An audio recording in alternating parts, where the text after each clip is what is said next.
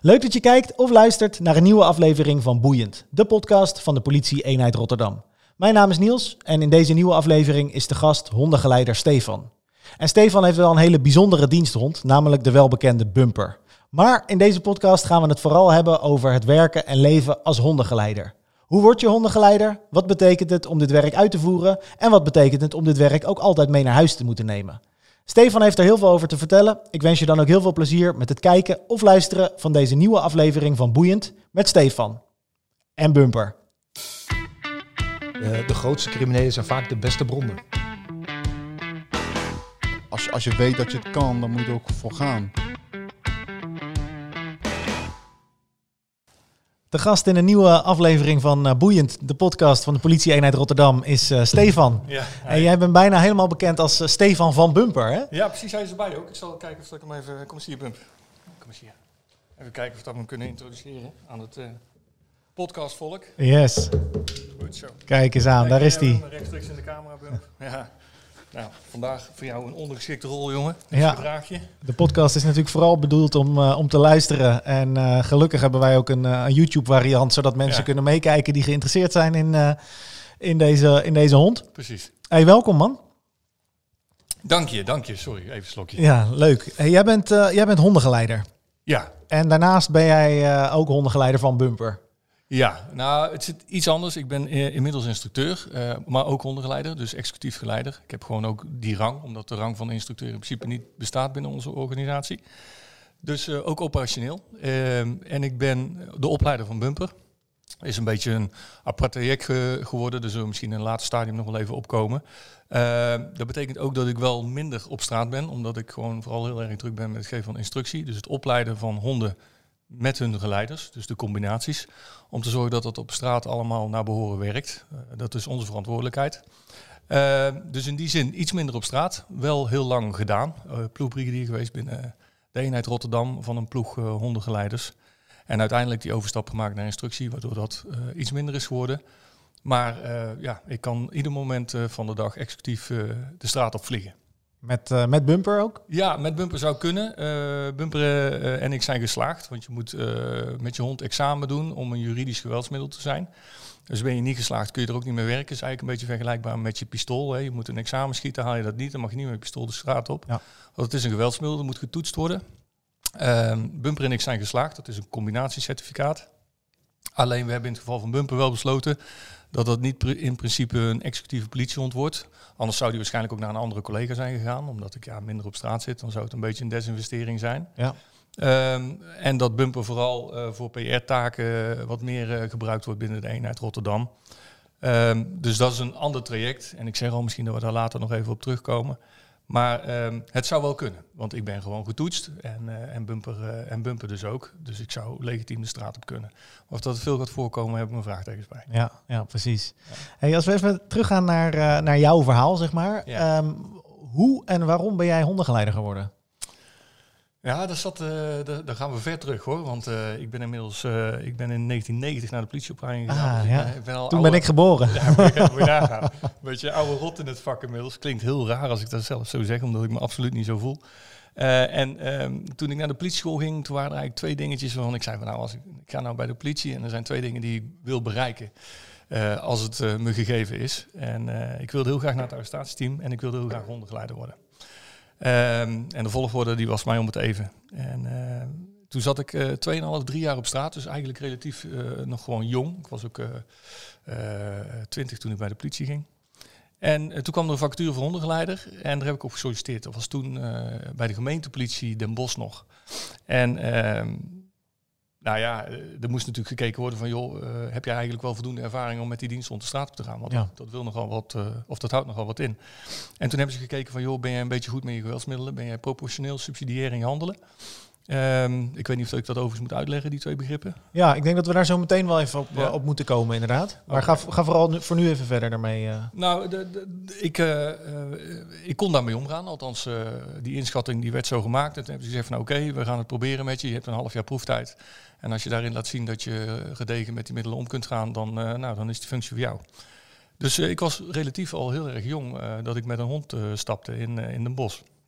Eh, maar ja, dat tweede dingetje wat ik heel graag wilde, dat knaagde ook nog wel. En ik was toen nog heel sportief. En ik denk van nou, het arrestatieteam, dat is toch wel ultiem. Ik ga daarvoor trainen, want de kans dat ik daar terecht kom is toch eigenlijk maar heel erg klein. Dus waarom niet? Nou, het hele traject ingegaan. Ik had toen ook al gesprekken binnen AT Zuid. Eh, dat er een project aan zat te komen om met politiehonden binnen het AT te gaan werken. Dat is eigenlijk ook vanaf die tijd een beetje eh, geboren binnen het AT en nog steeds. En ik zou dan een van de eerste worden die, eh, die ook met die hond aan de gang zou gaan, mocht ik de opleiding halen. Nou, mezelf helemaal de blubber getraind en uiteindelijk kwam ik door alle selecties heen en mocht ik naar de opleiding voor het arrestatieteam Zuid. Dus was ik eigenlijk maar heel kort hondengeleider, ik geloof eh, net twee jaar of zo. Ja. En eh, toen viel ik af in de opleiding omdat ik eh, twee ontstoken Achillespezen kreeg. dus toen, was Ah, eigenlijk ja. toen viel mijn droom in duigen. Ja. Maar mijn plaatsje binnen de hondenbrigade, die was eigenlijk ook vergeven. Ehm, dus ja, geen hond meer, geen AT. Oh jee. Een, eh, een ambtelijke desillusie. Wat een Eh, doffe ellende. Ja. ja, oh, oh, oh, was, eh, was een verschrikkelijke tijd. Ja. Nee, eh, zonder gekheid. eh, joh, omgaan met teleurstellingen hoort bij het leven. En eh, dit was er eentje voor mij. Eh, en eh, nou, die moet je pakken en weer doorgaan. En toen heb ik een, eh, een, een, een heel ander traject gelopen binnen de politie. Diverse plekjes eh, heb ik gezeten. eh, maar eh, ja, het, eh, het bloed stroomt waar het niet gaan kan. Ehm, eh, mijn liefde voor honden die is, er, eh, die is er altijd gebleven. En toen ik op een gegeven moment binnen de eenheid Rotterdam eh, terecht was gekomen na wat omzwervingen. toen kwam er een functie bij de hondenbrigade vrij. Eerst als, als gewoon geleider. Daar solliciteerde ik op en toen werd ik afgewezen. En daar was ik heel erg boos om, dat weet ik nog wel. En ik denk, hoe kunnen ze me nou afwijzen? En toen zeiden ze ja, past niet helemaal in het, in het profiel. Misschien dat je meer in een leidinggevende functie binnen de hondenbrigade eh, beter tot je recht komt. Maar die was er op dat moment niet en ik wilde graag terug. Ja. Nou, een aantal maanden later kwam die wel. Ik denk van hé, hey, dan, eh, dan moet ik erbij zijn. Ja. Dus toen solliciteerde ik als brigadier terug binnen de hondenbrigade Rotterdam. Nou, en daar merk ik inmiddels weer, eh, denk ik, een jaar of acht, negen. eh, waarvan de laatste drie jaar, zo uit mijn hoofd, als instructeur weer. Dus die, die, die liefde voor honden, die is er altijd geweest.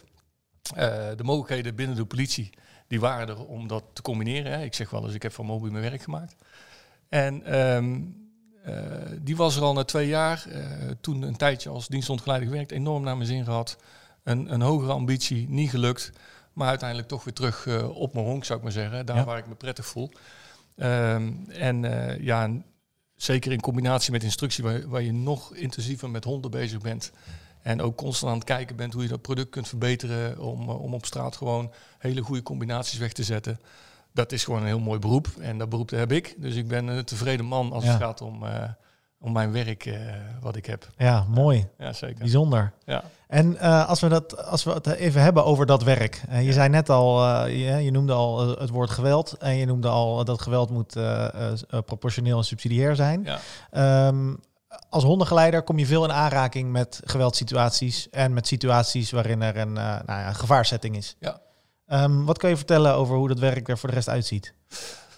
Ehm, nou, ja, het is wel, wel heel veelomvattend, want eh, sommige mensen denken eens dat alleen maar te maken heeft met geweld. Dat, dat is het niet, Eh, maar wel meer als gemiddeld. Dat komt ook omdat je in principe een ondersteunende functie hebt aan de dieners op straat. Ehm, dat betekent ook dat overal waar het gebeurt in de, in de eenheid, en dat is in de eenheid Rotterdam van Leerdam tot Hoek van Holland, daar zijn wij in principe bij op het moment dat daar geweld de kop opsteekt. Omdat je daarin vaak wel je ondersteunende rol kunt bieden. Eh, dat betekent dus dat je bij alle geweldssituaties in Rotterdam, daar is de hondenbrigade eigenlijk eh, per uitstek bij, waardoor de frequentie eh, van het handelen met geweld of daarmee omgaan natuurlijk veel groter is bij ons als bij de gemiddelde collega in een basisteam. Ehm, dus dat ten eerste. Ehm, ehm, ja, hoe ziet er dat uit? Je, je moet je daar wel een beetje senang in voelen. Ehm, kijk, als je wars bent van geweld en, en, en je, je lost dingen liever op een andere manier op. eh, en dat kan net zo goed zijn, mis- misschien soms nog wel eens beter. Maar soms ben je dat stadium ook voorbij. Ja, dan springen wij in. Dus dat, dat voortraject in de opbouw naar zo'n geweldsescalatie toe... daar zijn wij vaak niet bij of wat meer op de achtergrond. Want het is in principe meer voor de dieners. Kijk, als die het plat kunnen maken door, door heel goed eh, te communiceren... dan is het perfect, hoeven wij niet in actie te komen. Alleen dat voortraject zijn wij niet zelf bij aanwezig. Nee. Of daar hebben we in ieder geval geen actieve rol in. Op het moment dat dat niet lukt eh, en er moet geweld gebruikt worden, dan wordt dat in eerste instantie nog laagdrempelig gehouden en eh, dan zit er een bepaalde opbouw in. En als, het dan, als hun het dan niet aankunnen, dan komt dat extra geweldsmiddel erbij. En dan gaan wij ons spelletje doen, om het zo maar even te zeggen. En ja, daar moet je je wel senang bij voelen. De, en dat kun je trainen. Eh, maar het moet ook wel een beetje in je zitten. Ehm, ja, en dan eh, zou je haast zeggen, we krijgen een beetje het kooiboy verhaal. Maar, maar ehm, er zijn er ook wel heel veel jonge gasten die bij de politie komen, omdat het een bepaalde spanning eh, met zich meebrengt, het beroep. Uh, Ja. Daar hoeven we niet moeilijk over te doen. Dat is gewoon natuurlijk ook zo. Je komt voor een bepaalde situatie te staan, waar de gemiddelde Nederlander misschien één of twee keer in zijn leven mee te maken krijgt. En dan is het ook nog vanuit een heel andere rol, want dan zijn ze vaak een partij in, in dat geweld. Eh, wij worden ook wel partij, maar we staan er in principe ook nog wel een beetje buiten, omdat het gewoon voor ons ons werk is. Ehm, ja, en eh, dat gebeurt veel en daar, daar, daar moet je in kunnen acteren. Ehm, maar vind je dat niks, dan solliciteer je niet bij ons. Dus, dus vaak selecteert ze dat wel uit. Want Ja. ja, voel je je daar niet prettig bij, dan, dan heb je bij ons gewoon geen, geen leuke tijd. Want het is niet zo dat je bij de hondenbrigade moet werken omdat je honden per definitie zo leuk vindt. Tuurlijk, je moet affiniteit hebben met die beesten, want ze gaan 24 uur per dag eh, zijn ze bij je. Ja. Maar dat is niet primair. Je moet natuurlijk vooral een hele goede politieman zijn, die dan in geweldsituaties eh, zijn mannetje staat en daar de zaak onder controle houdt. Ehm, dus ik wil niet zeggen eh, dat we het, het leuk vinden, want dat zou een verkeerd, een verkeerd woord zijn. Maar we kunnen wel acteren in dat segment binnen de politie. Kijk, als politieagent word je natuurlijk getraind om situaties tot een goed einde te brengen. Ja. Of dat nou een aangifte is, eh, een hulpverlening, eh, een aanrijding, een proces verbaal. Ja. eh, of inderdaad een conflict situatie of een geweldsituatie. Ja. En in principe is het natuurlijk zo is dat het geweld is niet het doel op zich natuurlijk. het geweld is een middel om de Juist. situatie tot een goed einde te brengen. Ja. En ons doel is ten alle tijden om dat met zo min mogelijk geweld voor elkaar te krijgen. Ja. En soms is de situatie helaas zo dat we niet kunnen zeggen, ga nou gewoon mee. Nee. Luister nou gewoon. Ja. Hè? Ja. En dat, is, dat zijn ook wel vaak, dat zijn wel mijn ervaringen ook met de hondengeleiders op straat. Is dat je dan in een situatie komt eh, als collega van de noodhulp en je denkt, ja shit, hoe gaan we dit nou eens oplossen? Die vent Ja. die wil echt niet mee. Eh, en en nou ja, dan, moet je gaan, dan moet je gaan schakelen van oké, hoe gaan we deze situatie oplossen? En dan komt de hondengeleider er vaak bij en die heeft dan, en dat is dan mijn, dat zijn mijn ervaringen, Mhm. die heeft dan ook tactisch gezien wat meer eh, ja, bagage. Van oké, we gaan dit op deze manier aanpakken. En dan wordt er, ontstaat er een soort samenwerking tussen de hondengeleider en de collega's op straat. Twee auto's of weet ik het wat. Dan ben je met z'n vijven. En dan, eh, dan kan je even met elkaar schakelen. En Ja. in mijn beleving is dan vaak een hondengeleider niet alleen van oh, ik zet mijn hond er wel even op, maar ook gewoon van oké, hoe gaan we dit tactisch tot een goed, eh, acceptabel einde brengen. Ja, nou, goed dat, dat je die ervaring hebt, want dat is precies wat, wat we willen bereiken met onze hondenleiders. Dus dat ze inderdaad eh, gewoon samen met collega's eh, tot de beste oplossing komen en dat hun daarin ondersteunend zijn met het extra geweldsmiddel wat ze, wat ze bij hebben. Eh, en ehm, eh, ze worden daar natuurlijk ook in getraind. Eh, als wij mensen selecteren voor de functie van hondengeleider, dan, dan kijken we naar een aantal competenties die die moet hebben. Eh, hij moet bijvoorbeeld eh, een actie-intelligentie hebben. Hij moet een goede informatieverwerking moet hij hebben. Hij moet fysiek moet hij, zijn mannetje staan. Eh, dus eh, er zijn een, een, een, is een groot scala van competenties die iedere politie eigen man moet hebben. Maar waarvan wij een hondengeleider zijn van nou, daar moet een plusje op zitten. Ja. Waardoor hij dus eh, inderdaad, als hij ter plaatse komt bij collega's, dat hij eigenlijk al een soort van plannetje heeft, dat hij dat goed kan doorcommuniceren. Dat hij eh, eh, die geleiders of dat hij die eh, collega's op straat mee kan nemen in de melding, zodat het allemaal, allemaal goed gaat. En dat hij dan ook nog constant zijn eigen geweldsmiddelen in de gaten houdt, waardoor hij dat op een verantwoorde manier inzet en ze samen tot een goed resultaat komen. En dat is nogal wat. En dan moet je je ook nog voorstellen dat hij dat alleen moet doen. Want je krijgt een melding, je zit alleen in de auto. Eh, vaak is het een, eh, prio-melding, dus je moet met wat meer snelheid eh, daar naartoe. Ja, en je hebt ook nog eens een heel groot gebied waarin dat kan. een groot gebied, dus je moet vaak wat grotere afstanden afleggen. Je krijgt heel veel informatie, want die meldkamer die komt met een melding. Maar je hebt ook een districtskanaal. Daar komt vaak nog veel specifiekere Ja, informatie. Dus je hebt verschillende je hebt portofoons, dus je krijgt Ja. allemaal informatie al terwijl je in de auto zit. Precies. Dus dat is die, die informatieverwerking die hij op orde moet hebben. Nou, dan gaat hij met die informatie in zijn kop gaat hij, eh, aan de slag. Gaat hij denken, oké, wat kan ik daar aantreffen? Wat is mijn plan A? Wat is mijn plan B? Maar ondertussen ga, gier je wel eh, door het verkeer heen. Dus je moet ook nog gewoon goed opletten dat je daar veilig aankomt. Want dat is natuurlijk primair. Kom je daar te plaatsen, nou, dan is de informatie misschien alweer verouderd. Of net eh, is de situatie iets anders dan dat jij gedacht had. Aanpassen in je hoofd, collega's erbij halen, plan maken. Nou, dan moet je het plan ook nog tot uitvoering gaan brengen. Ja. Eh, dat moet allemaal goed gaan. Dan moet je ook nog in coachen. Want ik zeg altijd, je moet met vijf dingen rekening houden. Met jezelf, met de hond, met collega's, met omstanders en met de verdachte. En dat komt allemaal bij elkaar in een split second. Ja. Eh, nou, en dan hopen dat je het, eh, de klus geklaard hebt. En achteraf moet je dan ook nog, vind ik, even met elkaar bespreken van wat, zijn, wat is goed gegaan en wat kan beter de volgende keer. En dan is die melding klaar. Nou moet je je voorstellen dat je dan, eh, stel dat dat bij elkaar eh, anderhalf uur eh, beslaat, dan zit je wel in een, in een piekbelasting van je werk. En dat moet je kunnen. Ja. En daar moet je dus ook gewoon al op selecteren aan, aan de voorhand. Om te kijken van, joh, kunnen wij een vent op een niveau brengen dat hij dat dadelijk op straat kan? Want ik zeg altijd maar bij de politie van, je kunt er in je tweede dag dat je op straat loopt voorkomen te staan. De melding van je leven. Ja. En het kan misschien nooit gebeuren, maar je moet er wel klaar voor zijn. Ja. En eh, bij de hondenbrigade eh, kom je vaak in situaties waar we het al over gehad hadden, waar geweld bij is. En als geweld niet goed gaat, dan doet het pijn. Dus eh, je moet gewoon zorgen dat, dat, het, dat het aan jouw kant goed gaat. Ja. Nou, daar moet je klaar voor zijn. Dus daarom selecteren we streng, doch rechtvaardig, zou ik haast zeggen. En niet omdat we dat zo graag willen, maar omdat de functie dat gewoon van je vraagt. Zo zit hij eigenlijk een beetje.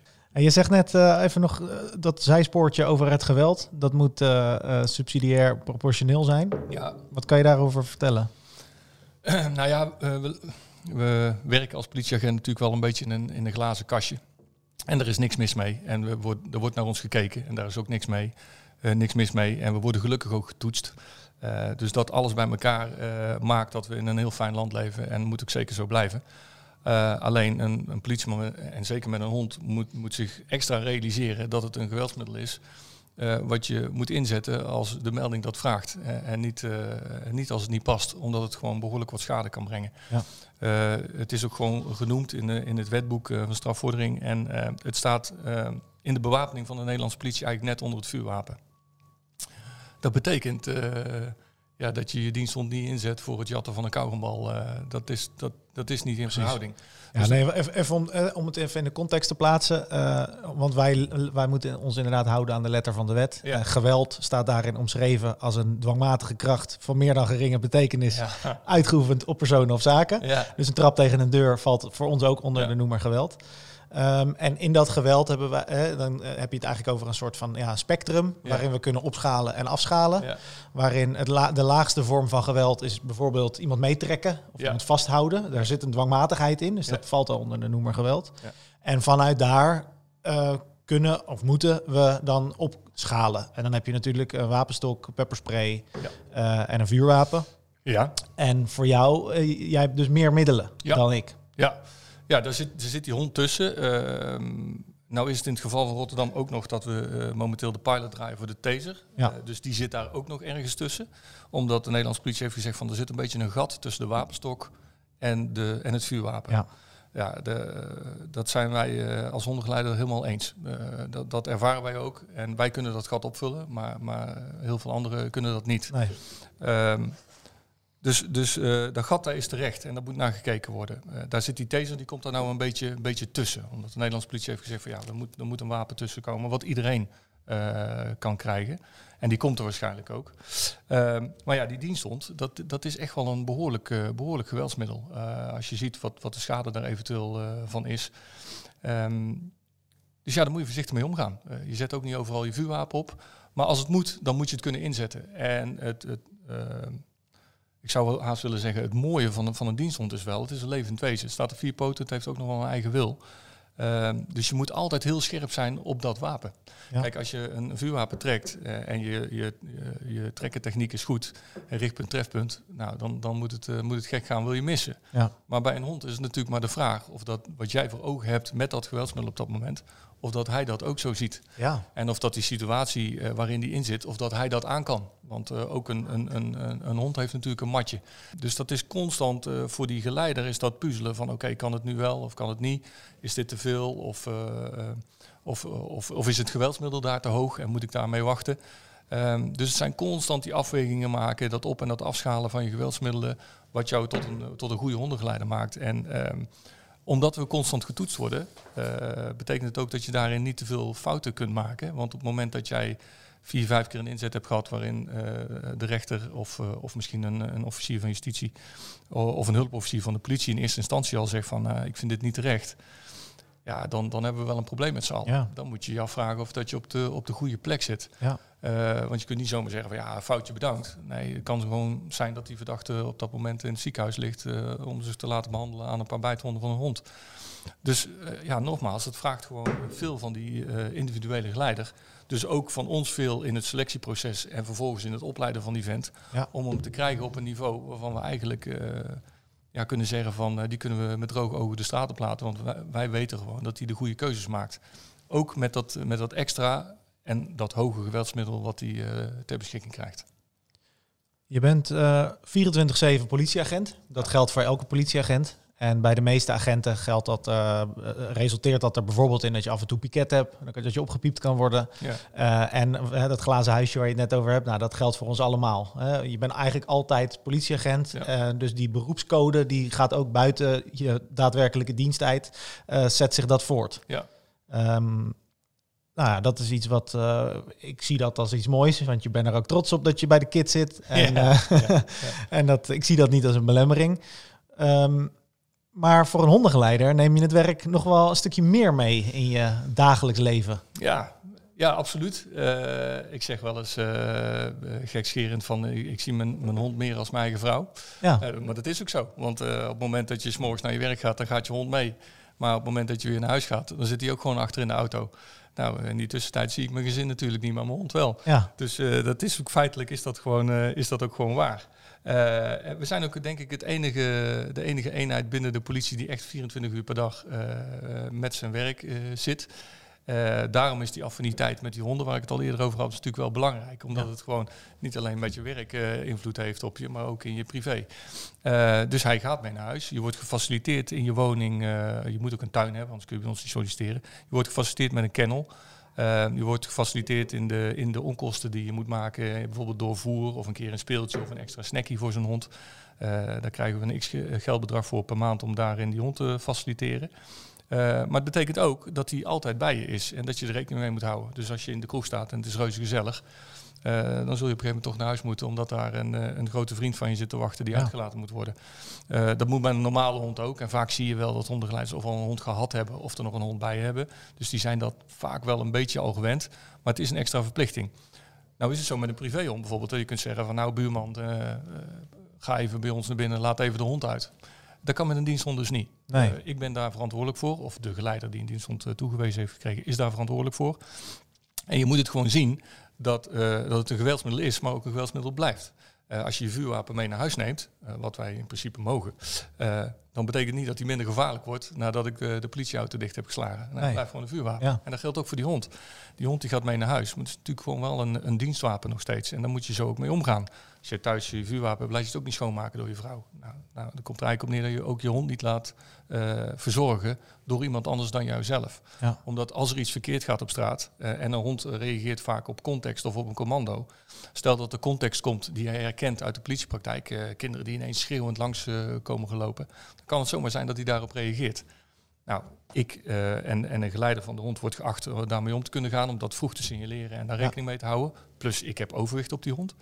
Maar loopt de buurman eh, met mijn hond, dan kan het zomaar zijn dat hij te laat is, dat hij het niet onderkent, Ja. of dat hij gewoon geen controle heeft over de beest en er iets gebeurt. Dan ben ik verantwoordelijk. Dus dat geeft een extra druk, zeg maar, op je privé. Eh, heb je kleine kinderen en de kennel staat in de tuin, eh, dan moet je er wel voor zorgen dat die kinderen die, die hond willen gaan aaien en de, en, de, en de kleine klauwtjes door de tralies heen steken. Ehm, dus het geeft in die zin wel wat druk. Maar omdat je ermee opgevoed wordt, eh, omdat je er dagdagelijks mee te maken hebt, wordt het vaak geïntegreerd in je hele, eh, in je hele zijn.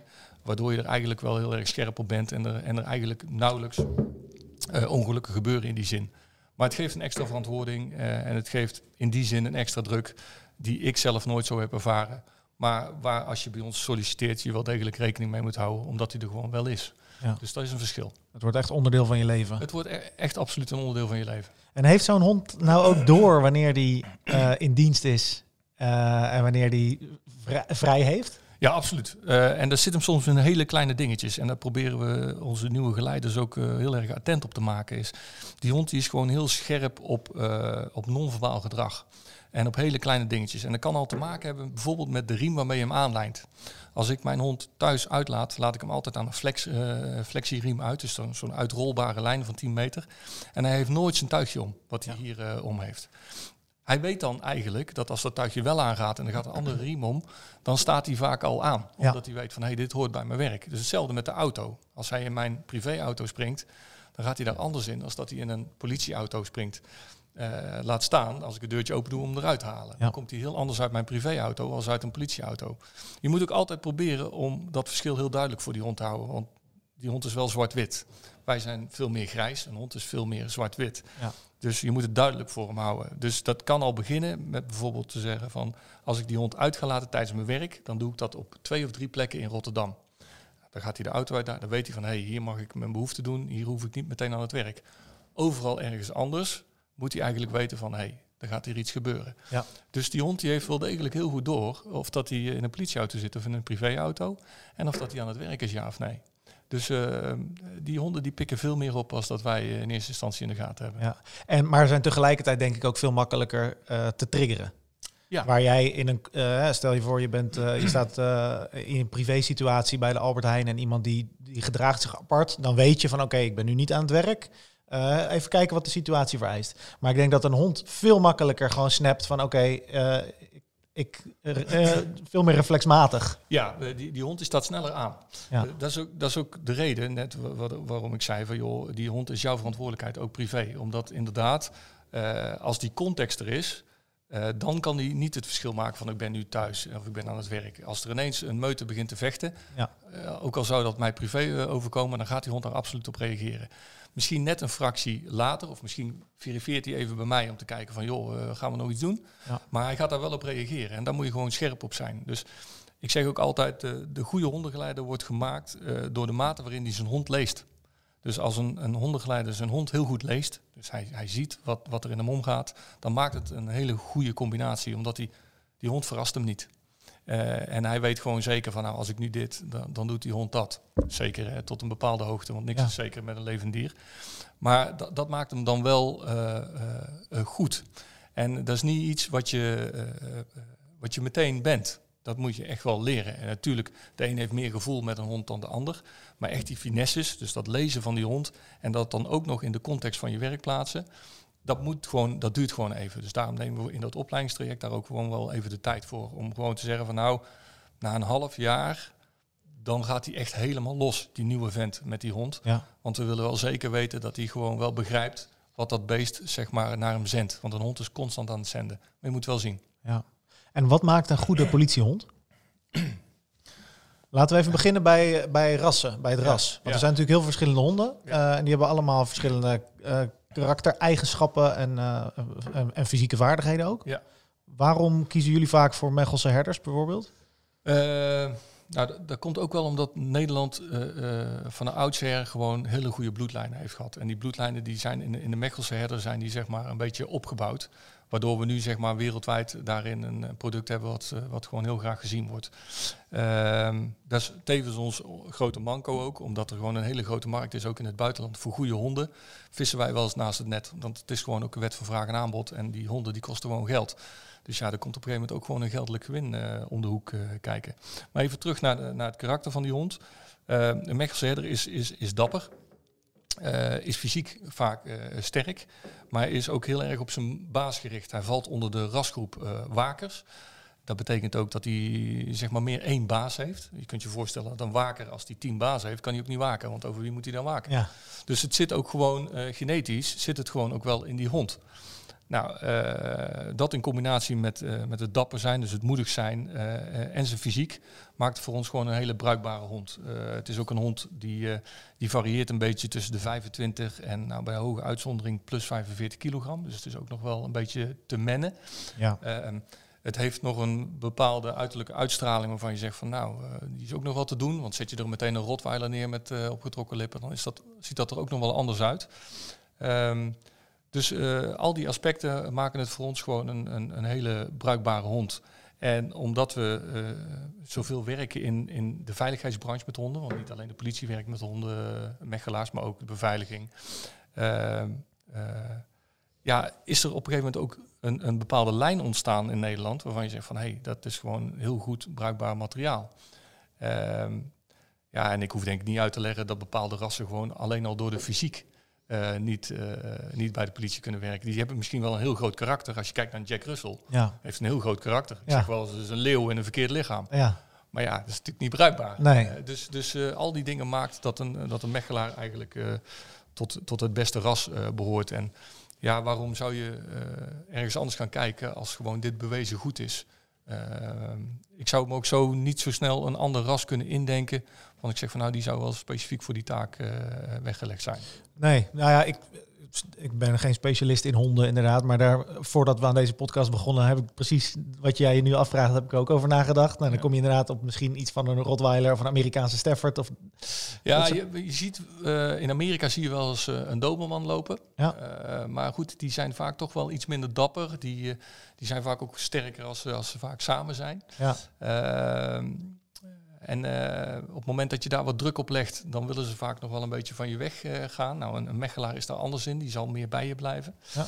Uh, en soms moet je ook gewoon druk leggen. Hè. Binnen de politie is het zo dat op het moment dat je met een hond aan het werk gaat, dan is er geen keus. Jij moet dat geweldsmiddel op dat moment inzetten. Ook al vind je dat nou even niet zo leuk of, of is die situatie misschien wat gevaarlijk. Ja, dat is je werk. Ja. Daar hoort dat middel bij. En dan Precies. moet dat gebeuren. Dus we trainen onze honden ook wel gewoon om in buitensporige geweldssituaties toch hun ding te blijven doen. En soms moet je dan ook gewoon even wat druk leggen. Als die hond schrikt van die druk en die wil eigenlijk van je weg en die denkt van hé, hey, nou wordt het wel heel spannend. Ja, dan is mijn geweldsmiddel activeren. Ja. Ja. en dan heb ik er een probleem bij. Want Ja. op het moment dat mijn hond niet doet wat ik van hem verlang en de melding gaat gewoon door, dan heb ik een probleem erbij. Ja. En dat wil ik op dat moment helemaal niet hebben. Dus ik moet er ook echt van op aankunnen. Nou, eh, deze honden hebben bewezen in de loop van de jaren dat ze dit werk ook gewoon af kunnen. En dan is het ook nog eens zo dat eh, binnen die mechelaar heb je natuurlijk eh, de, de onvoldoendes en de voldoendes.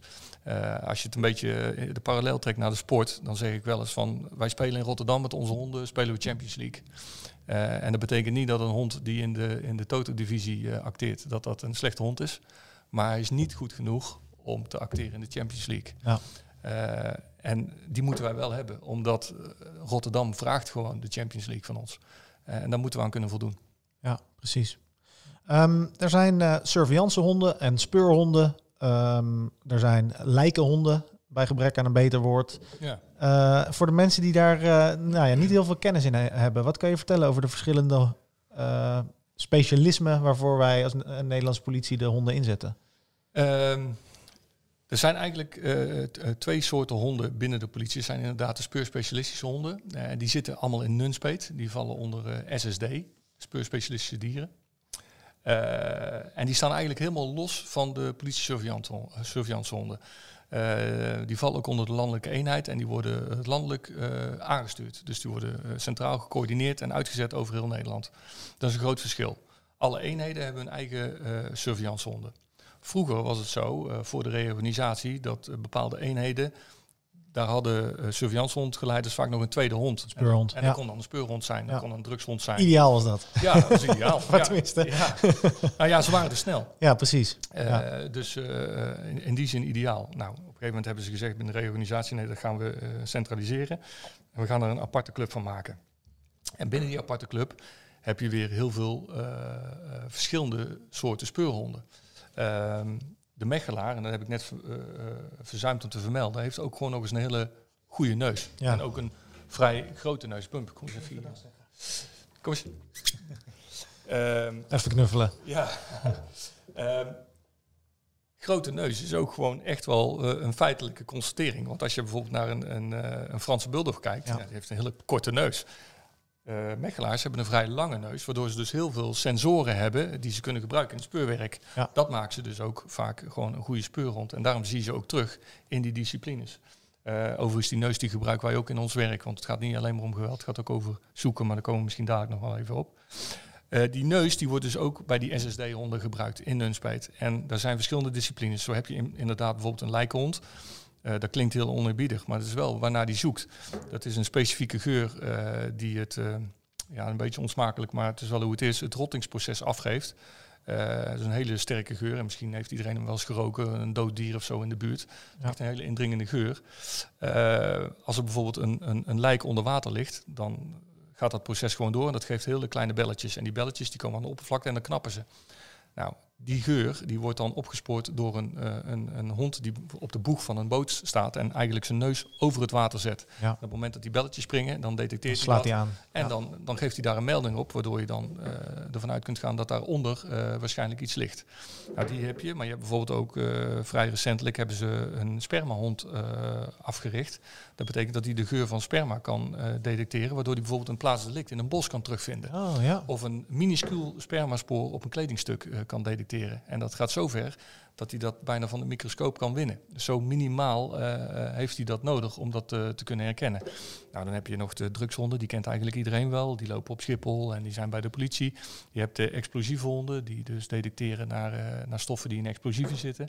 En zo heb je een geldhond, die grote hoeveelheden geld kan opsporen. Maar het principe komt allemaal op hetzelfde neer. Ja. Je gaat die honden, die ga je leren om een bepaalde stof te herkennen. Daar hang je vaak een positieve beloning aan. En op een gegeven moment dan weet hij van, hé, hey, als ik dat uh, stofje ruik en ik meld dat, dan krijg ik mijn beloning. Zo worden die honden afgericht. En als je dan kijkt naar een geldhond, dan wordt dat maar op één specifieke geur gedaan. Dat is namelijk op de inkt.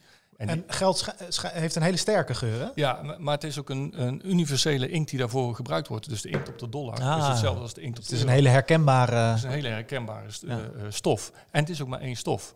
Dus een, een geldhond heb je relatief snel afgericht. Ja. Omdat je die uh, hond maar hoeft te leren om op één stof aan te slaan. Ja. Heb je nou een explosieve hond, dan moet je hem bijvoorbeeld al minimaal, ik geloof, 12 stoffen africhten. Ja. Omdat daar zitten vetten in, daar zitten zuren in, uh, kruid heeft weer een andere geur.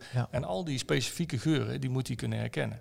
Dus dat is een stuk moeilijker. Dus dat duurt ook een stuk langer voordat die hond al die geuren opgeslagen heeft. En weet van, hé, hey, dat moet ik melden. Dus uh, daar zit ook nog een heel groot verschil in. Ja. Dat is even om het makkelijk te maken. Dus twee verschillende clubs. Surveillancehonden, uh, uh, speurspecialistische dieren, surveillancehonden alle regio's, SSD gecentraliseerd en die worden gewoon op aanvraag worden die naar je toegestuurd en dan kun je gewoon je discipline vragen van nou ik heb morgen om, om zeven uur bij een inval heb ik een, een drugshond nodig om een pand af te zoeken.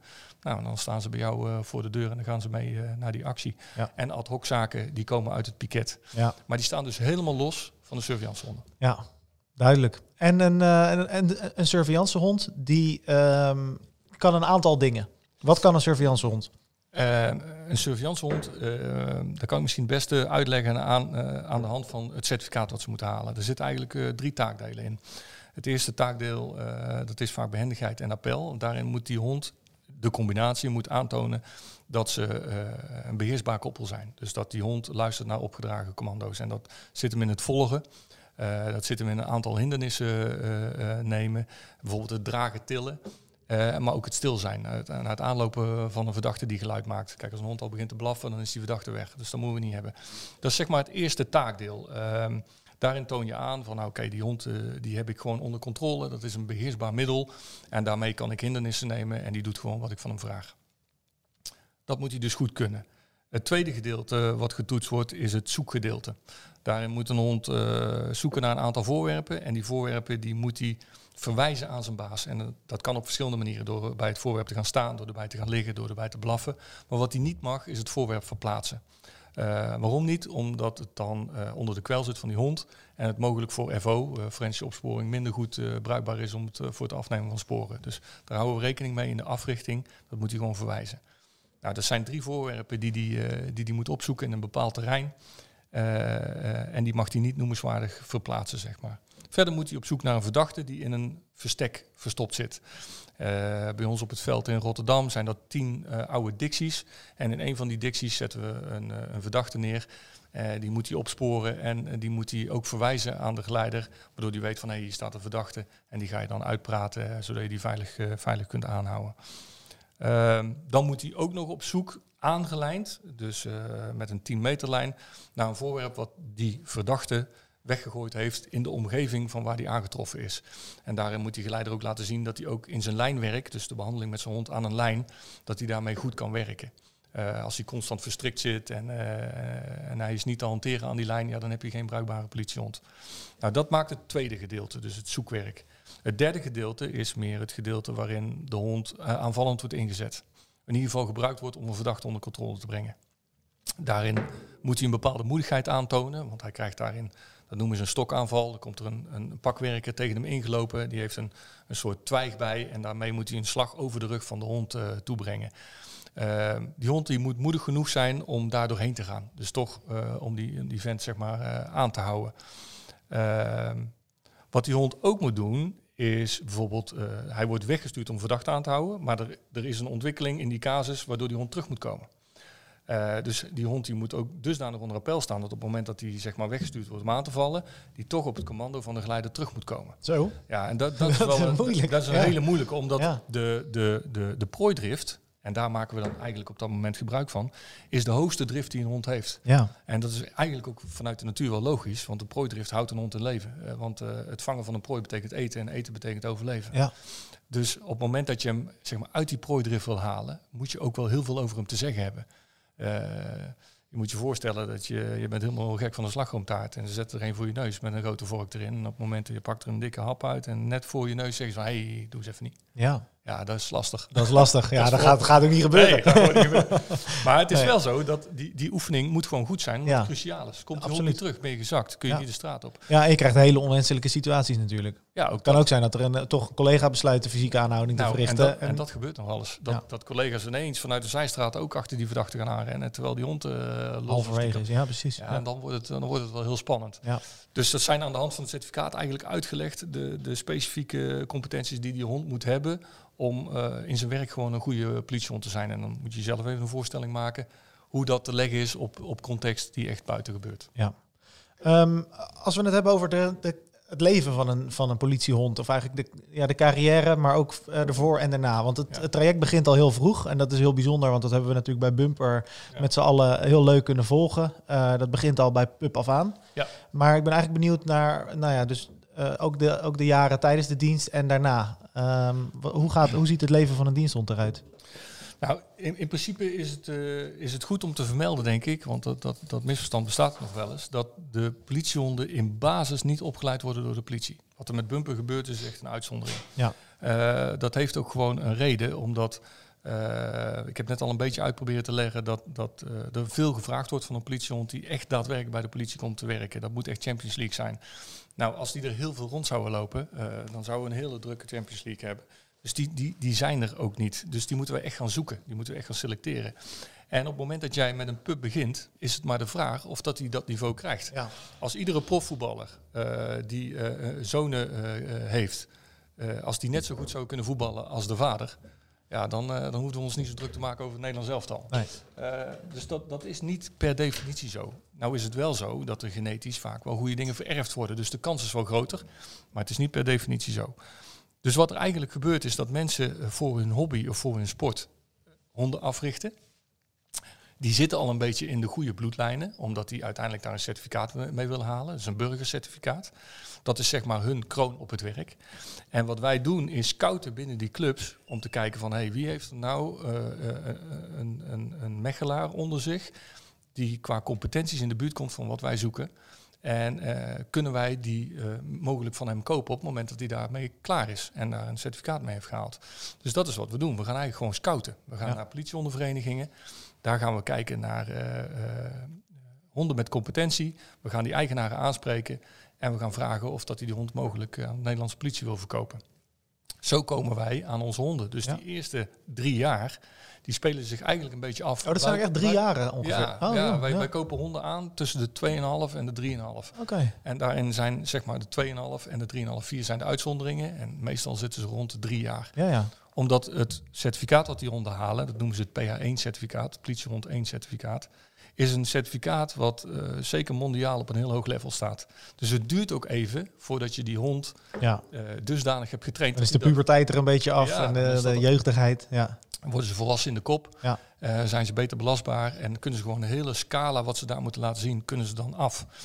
Nou, de beste daarvan, die proberen wij aan te kopen. Dus eh, wij hebben wel zicht op zo'n hond vaak in het proces. Want soms zien we al na een jaar van hé, hey, dat kon nog wel eens een hele goede worden. Ja. Dat je dat aan het karakter ziet, aan de driften. We zoeken vaak honden met, met hoge driften, bovengemiddelde driften. En als er dan ook nog een goede geleider op staat, dus een goede africhter, ja, dan heb je vaak wel kans van hé, hey, eh, die moeten we in de gaten houden. Want er kon over 2,5 jaar wel eens een hele dijk van een hond zijn. Ja. En daar hebben we natuurlijk ook een beetje netwerk in opgebouwd. Dus die doen eigenlijk de grote bubs aan werk. Ja. Als het gaat om de basis van de hond.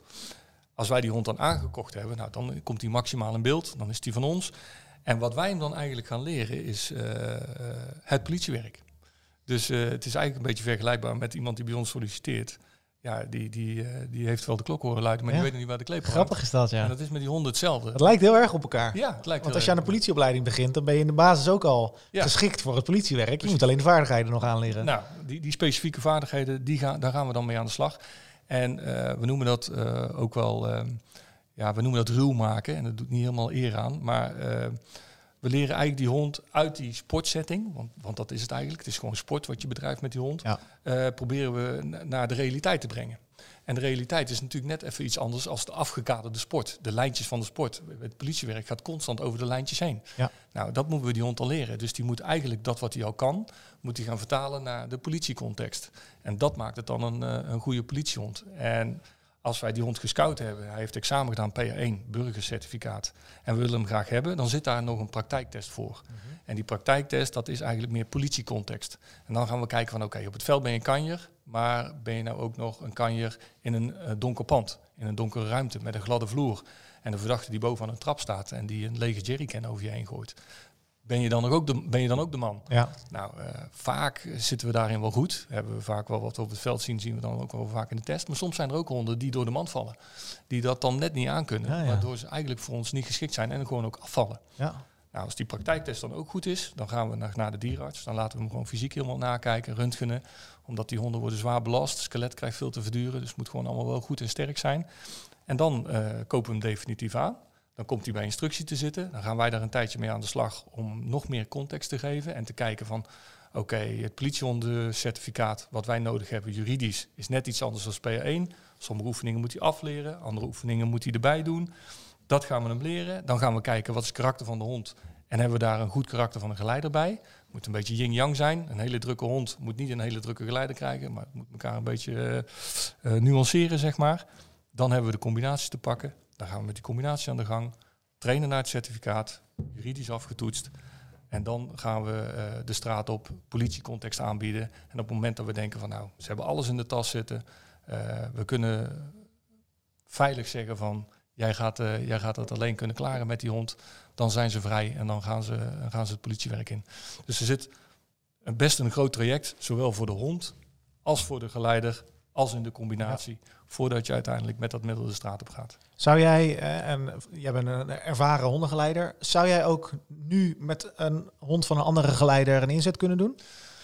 Eh, ja, maar dat geniet absoluut niet de voorkeur. Nee. Omdat eh, je moet je voorstellen, er is echt een band opgebouwd. Ja. Ehm, Is dat voor de honden moeilijker of voor de geleider moeilijker? nou, allebei denk ik. Wij zijn daar als instructeurs misschien iets makkelijker in, omdat we de roulatie van honden die bij ons zit, is heel erg groot. Dus je leert wat sneller dingetjes herkennen.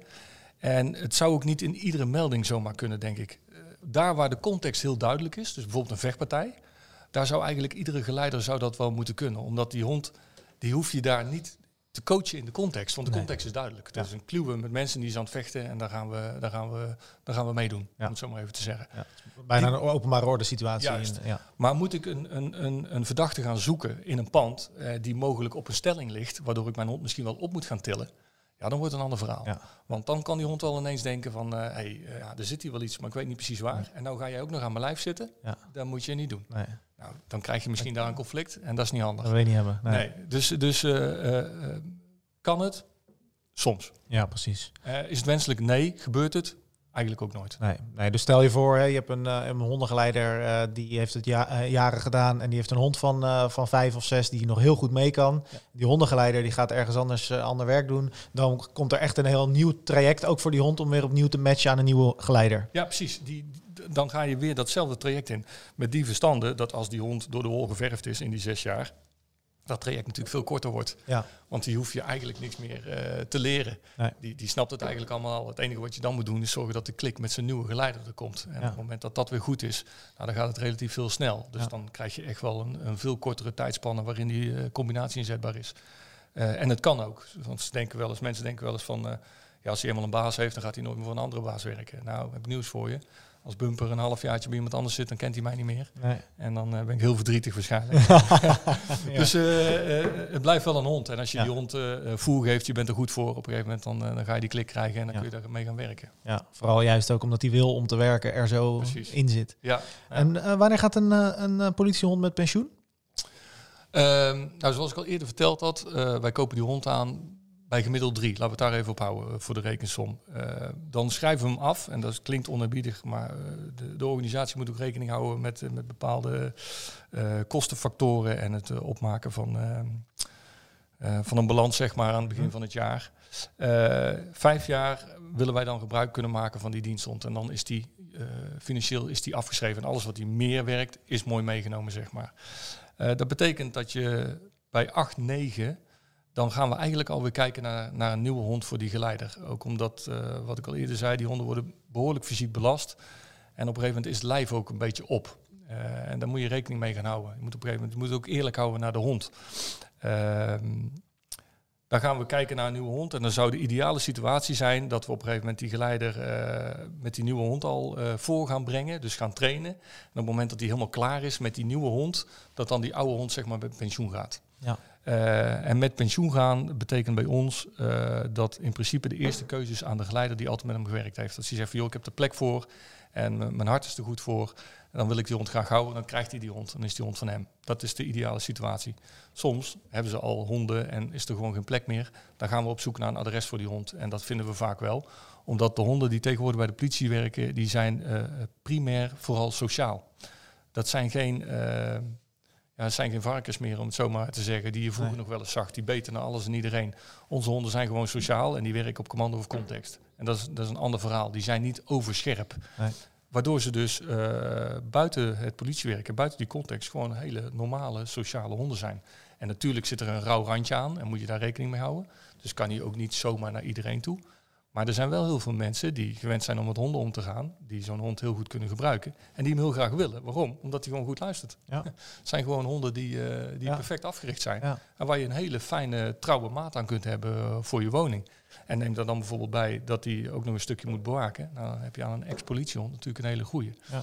Dus ik durf wel met droge ogen te zeggen dat, dat onze honden eigenlijk altijd heel goed terechtkomen op het moment dat ze voor de Nederlandse eh, bevolking hun werk hebben gedaan. Ja. Ja, ik kan me wel voorstellen. Ook omdat het, het zijn honden die gewend zijn om te werken en die willen ook nog dingen. Hè? Ja. Ik bedoel, wij kunnen zeggen van gaan je niet meer eh, voor de dienst inzetten, maar die hond zal altijd nog wel die drift, of Ja. misschien neemt het iets af, maar die zullen altijd nog wel Ja. met een baas aan de bak willen. Ja, en in het kopje gaat het nooit meer weg. Nee. Eh, ik denk dat eh, als jij een, eh, een, eh, een oude verzetstrijder van vroeger, als je, als je met hem over de oorlog praat, dat je ook die, eh, die, die ogen nog ziet Dat eh, vuur, fonkelen en dat vuur nog, eh, nog ziet. Dus het gaat er nooit helemaal uit. Mijn oude diensthond bijvoorbeeld, die eh, wat eerder eruit eh, is, is gemoeten omdat hij een, een, een, rugkwetsuur had, die zit bij mijn vader. Die is inmiddels bijna 13. Eh, daar zie je ook nog steeds het vuur in die ogen. Ja. Alleen zijn lichaam is helemaal, helemaal op. Maar de, daar heeft mijn vader een perfecte maat aan gehad. En ik denk ook dat het, dat het ons samen heel erg pijn gaat doen als hij op een gegeven moment besluit om er tussenuit te piepen. Eh, maar ja, goed, hij is wel 13 geworden en hij heeft eh, een superleven gehad. Zowel als politiehond, maar zeker ook daarna eh, bij mijn vader. En ja, super lief dier. Maar op het moment dat iemand naar mijn vader toe zou gaan en kwaad zou willen doen, dan gaat dat politiehartje van hem nog wel kloppen. ja, en dan denk ik wel dat je uiterst je best gaat doen om daar iets aan te doen. Ja, precies. Ja, Ja. zeker. Hey, als we het hebben over hondengeleiders, hè, het, de groep hondengeleiders, zijn er dan, zijn er dan bepaalde misstanden over, over jouw slag, politieagent?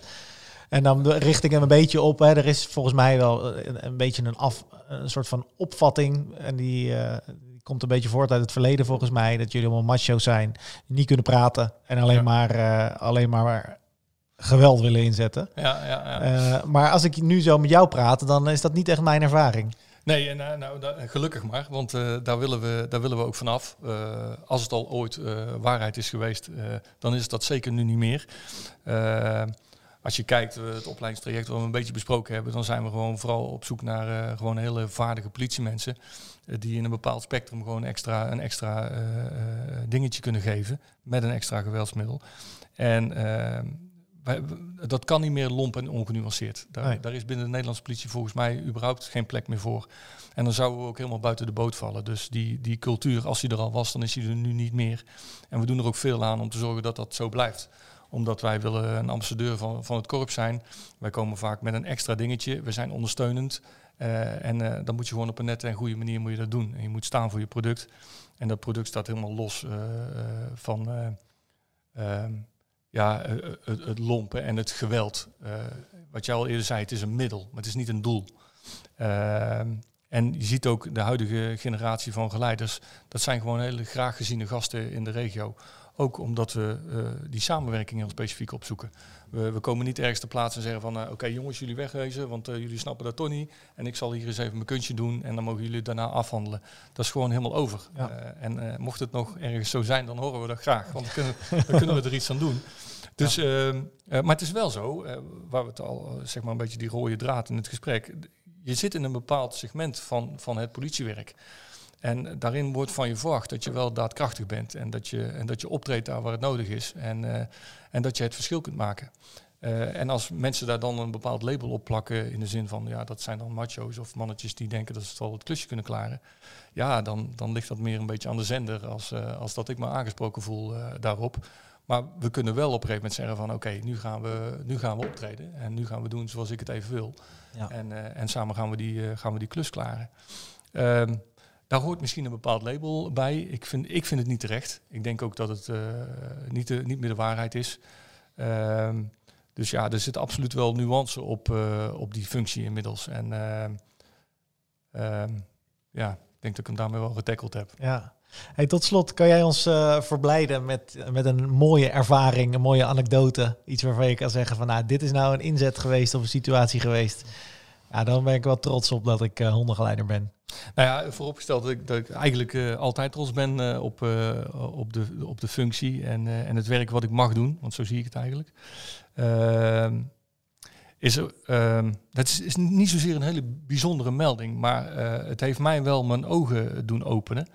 Ehm, ik heb een keer een inzet gehad in, in een pand dat was ingebroken. En we gaan, ik ga op een gegeven moment met mijn, met mijn hond het pand binnen op zoek naar, naar die verdachte. En ik kom in een, in een slaapkamer. En het was een, een, een zomerachtige dag. En die slaapkamerdeur die stond open. En het was op de eerste verdieping van een flatgebouw. En uh, de deur naar het balkon stond open. En, en, dan zie je ook dat gordijn, dat wappert dan zeg maar. Uh, het klinkt allemaal heel, heel spannend. Ja. en ik was ervan overtuigd dat die verdachte uh, naar dat balkon was gelopen. Daar waarschijnlijk het balkon over was gesprongen. En, en daar weggegaan was. Maar die hond die komt binnen en die trekt eigenlijk naar rechts, naar een kast. Maar omdat ik gewoon eigenlijk eigenwijs was, dacht ik van nee joh, je zit verkeerd. Je moet naar, die, naar dat balkon toe. En uh, nou, ik ga natuurlijk uh, eigenwijs als ik ben dat balkon op. En die hond die trekt terug die kamer in. En die gaat weer naar die kast. En in die kast zit een verdachte met een, met een koevoet. wat dus eigenlijk had kunnen betekenen als ik daar mijn zin doorgedreven had. En, en niet gekeken en geluisterd had naar die, naar die neus die ik op dat moment bij ja. had. Die zijn werk gewoon heel goed verstaat dat ik zomaar van achteren een koevoet in mijn nek had kunnen krijgen. Terwijl die hond aan mij heel duidelijk verteld heeft van nee baasje, je zit verkeerd, hij zit in die kast. Ja. Uh, en dat heeft me voor de rest van mijn carrière gewoon wel behoed voor dat soort uh, valkuilen. Uh, je hebt er niet voor niks bij, dus vertrouw ook wat hij kan. En als die hond aangeeft van joh, hier zit iets. Ga dan eerst eens even kijken van wat die hond aangeeft. En ga daarna weer politioneel en tactisch verder denken naar wat jij gezien hebt en wat jij denkt dat er gebeurd is. maar vergeet niet dat dat die hond misschien wel net zo goed of misschien zelfs wel beter is in zijn werk als dat jij op dat moment bent. En dat zijn hele wijze lessen, omdat dat, ja, dat heeft ook gewoon met een stukje veiligheid te maken en een stukje vertrouwen ook. Omdat daarna uh, ja, heb ik me in die zin nooit meer laten foppen. En kijk ik altijd naar wat hij mij wil vertellen. En ga ik daarmee aan de slag. Dus dat is denk ik een mooie anekdote als het gaat om hoe het uiteindelijk moet worden.